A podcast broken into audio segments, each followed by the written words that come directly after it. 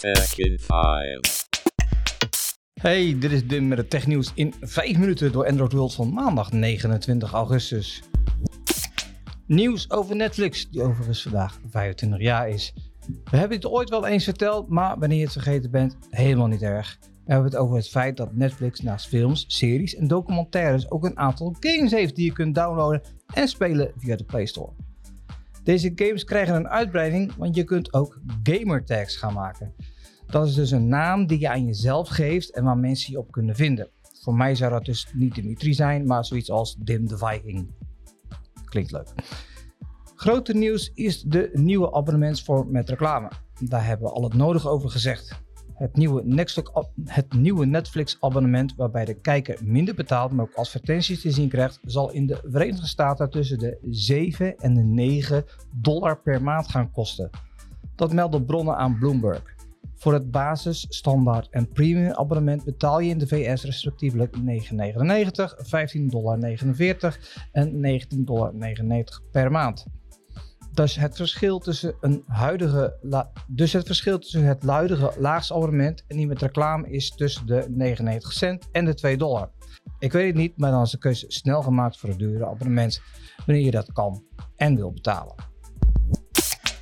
Vandaag was een belangrijke dag voor de NASA. Rond het middaguur zou de lancering plaatsvinden van de Space Launch System Rocket.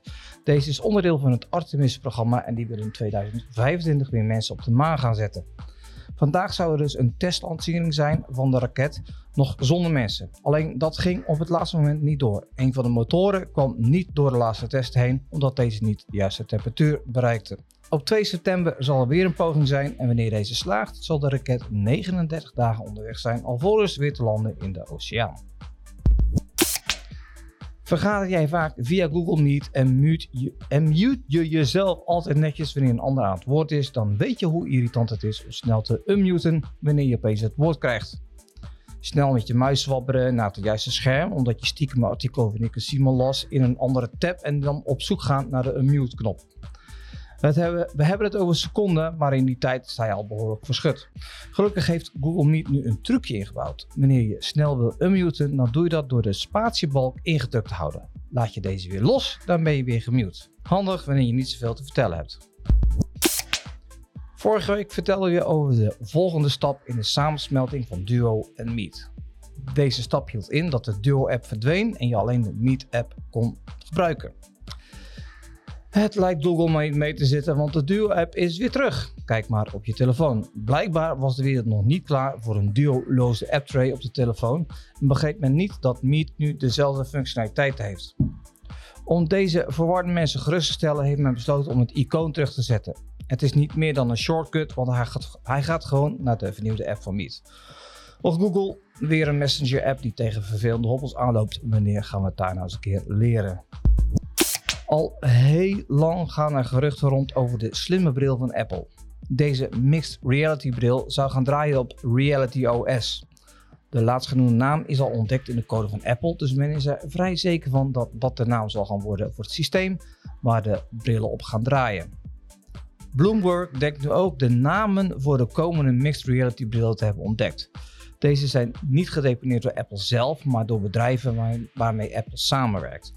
Op grond van deze informatie denkt men dat Reality One, Reality Pro en Reality Processor namen zullen zijn die voor deze nieuwe producten gebruikt zullen gaan worden. Mixed Reality is overigens een mix van fysieke en digitale werelden waarin bijvoorbeeld augmented reality de hoofdrol speelt. Men verwacht dat Apple in het volgende jaar de eerste producten zal gaan aankondigen die werken met het Reality OS. Truth Social, het social media bedrijf van Trump, die een opvolger of, of, alternatief maakte voor Twitter, is bijna failliet. Er maken, steeds minder gebruik, er maken steeds minder mensen gebruik van deze dienst en de advertentieinkomsten vallen tegen. Volgens het hostingbedrijf, de grootste schuldeiser, is er al sinds maart geen rekening meer betaald en is de schuld opgelopen tot 1 miljoen euro. Snapchat lanceert een nieuwe functie met de naam Dual Camera. Het klinkt fancy en dat is maar net hoe je tegenaan kijkt, want het laat je filmen met de twee camera's tegelijkertijd. Dan maak je bijvoorbeeld een video van een sportwedstrijd en ben jij via de selfiecam in, in het klein in beeld om commentaar te leveren. Klinkt bekend? Yep, de app BeReal draait helemaal rondom dit principe en heeft deze manier van video maken weer helemaal nieuw leven ingeblazen. Goed, dat was hem weer voor vandaag. Horen je graag en zie je graag morgen weer terug voor een nieuwe aflevering van Tech in 5. Laters! Tech in 5.